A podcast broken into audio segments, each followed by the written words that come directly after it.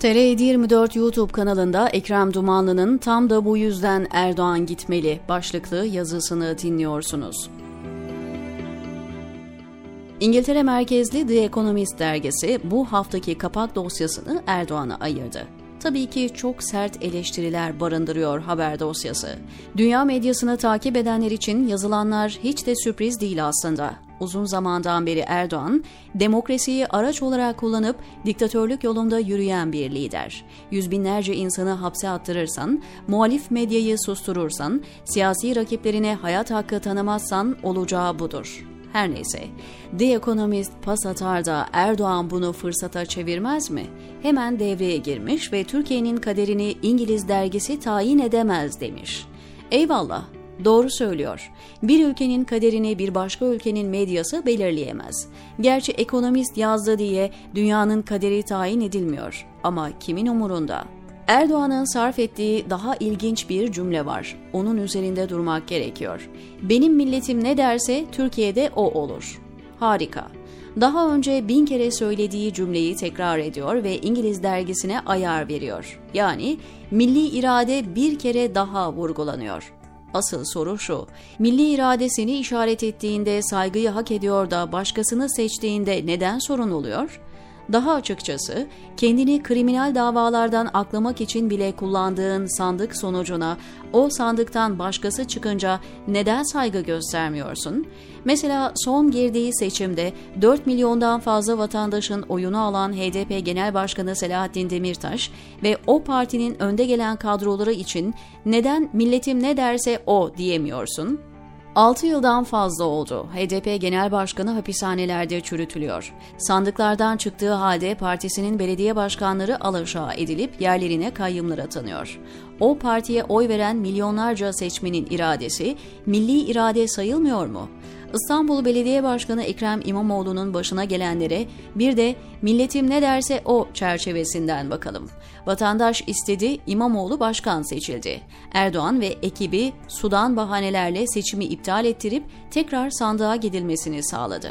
Bu sefer Ekrem Bey daha büyük bir farkla İstanbul'u aldı. Önce suspus olan Erdoğan, sonra savcıları harekete geçirdi ve İmamoğlu hakkında uydurma davalar açılmaya başladı.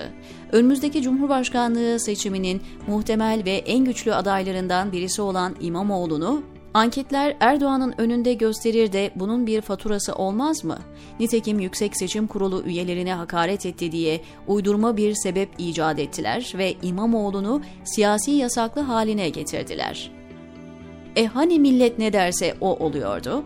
Erdoğan sadece rakip partilerin seçilmiş yöneticileri değil, kendi partisinden seçilen ama hazretmediği isimleri de teker teker yedi bitirdi. Partiyi kurarken yola çıktığı arkadaşlarının birçoğunu siyaseten yok etti. Halkın oylarıyla seçilen Ankara Büyükşehir Belediye Başkanı Melih Gökçe'yi, İstanbul Büyükşehir Belediye Başkanı Kadir Topbaş'ı, Balıkesir Büyükşehir Belediye Başkanı Edip Uğur'u ağlıya ağlıya istifa ettiren Erdoğan'ın bizzat kendisiydi. Kendi başkanlarını zorla istifa ettiren milli irade söylemcisi Erdoğan'a göre mazeret hazırdı. Metal yorgunluğu. Bu yorgunluk kim tarafından nasıl tespit edilmiş?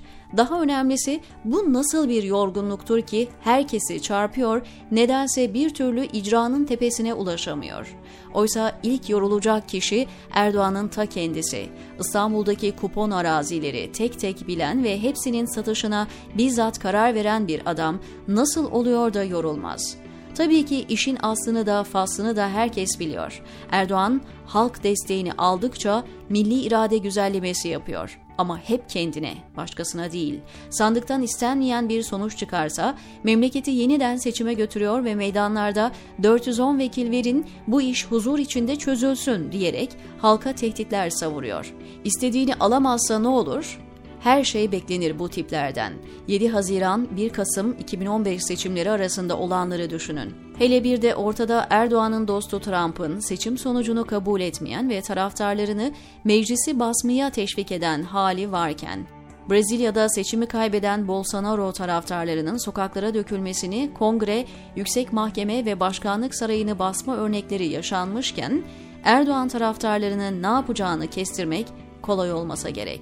Boşuna Sadat gibi paramiliter yapıların önünü açmıyor. Suriye başta olmak üzere radikal örgütlerle sıcak temaslarda bulunmuyor.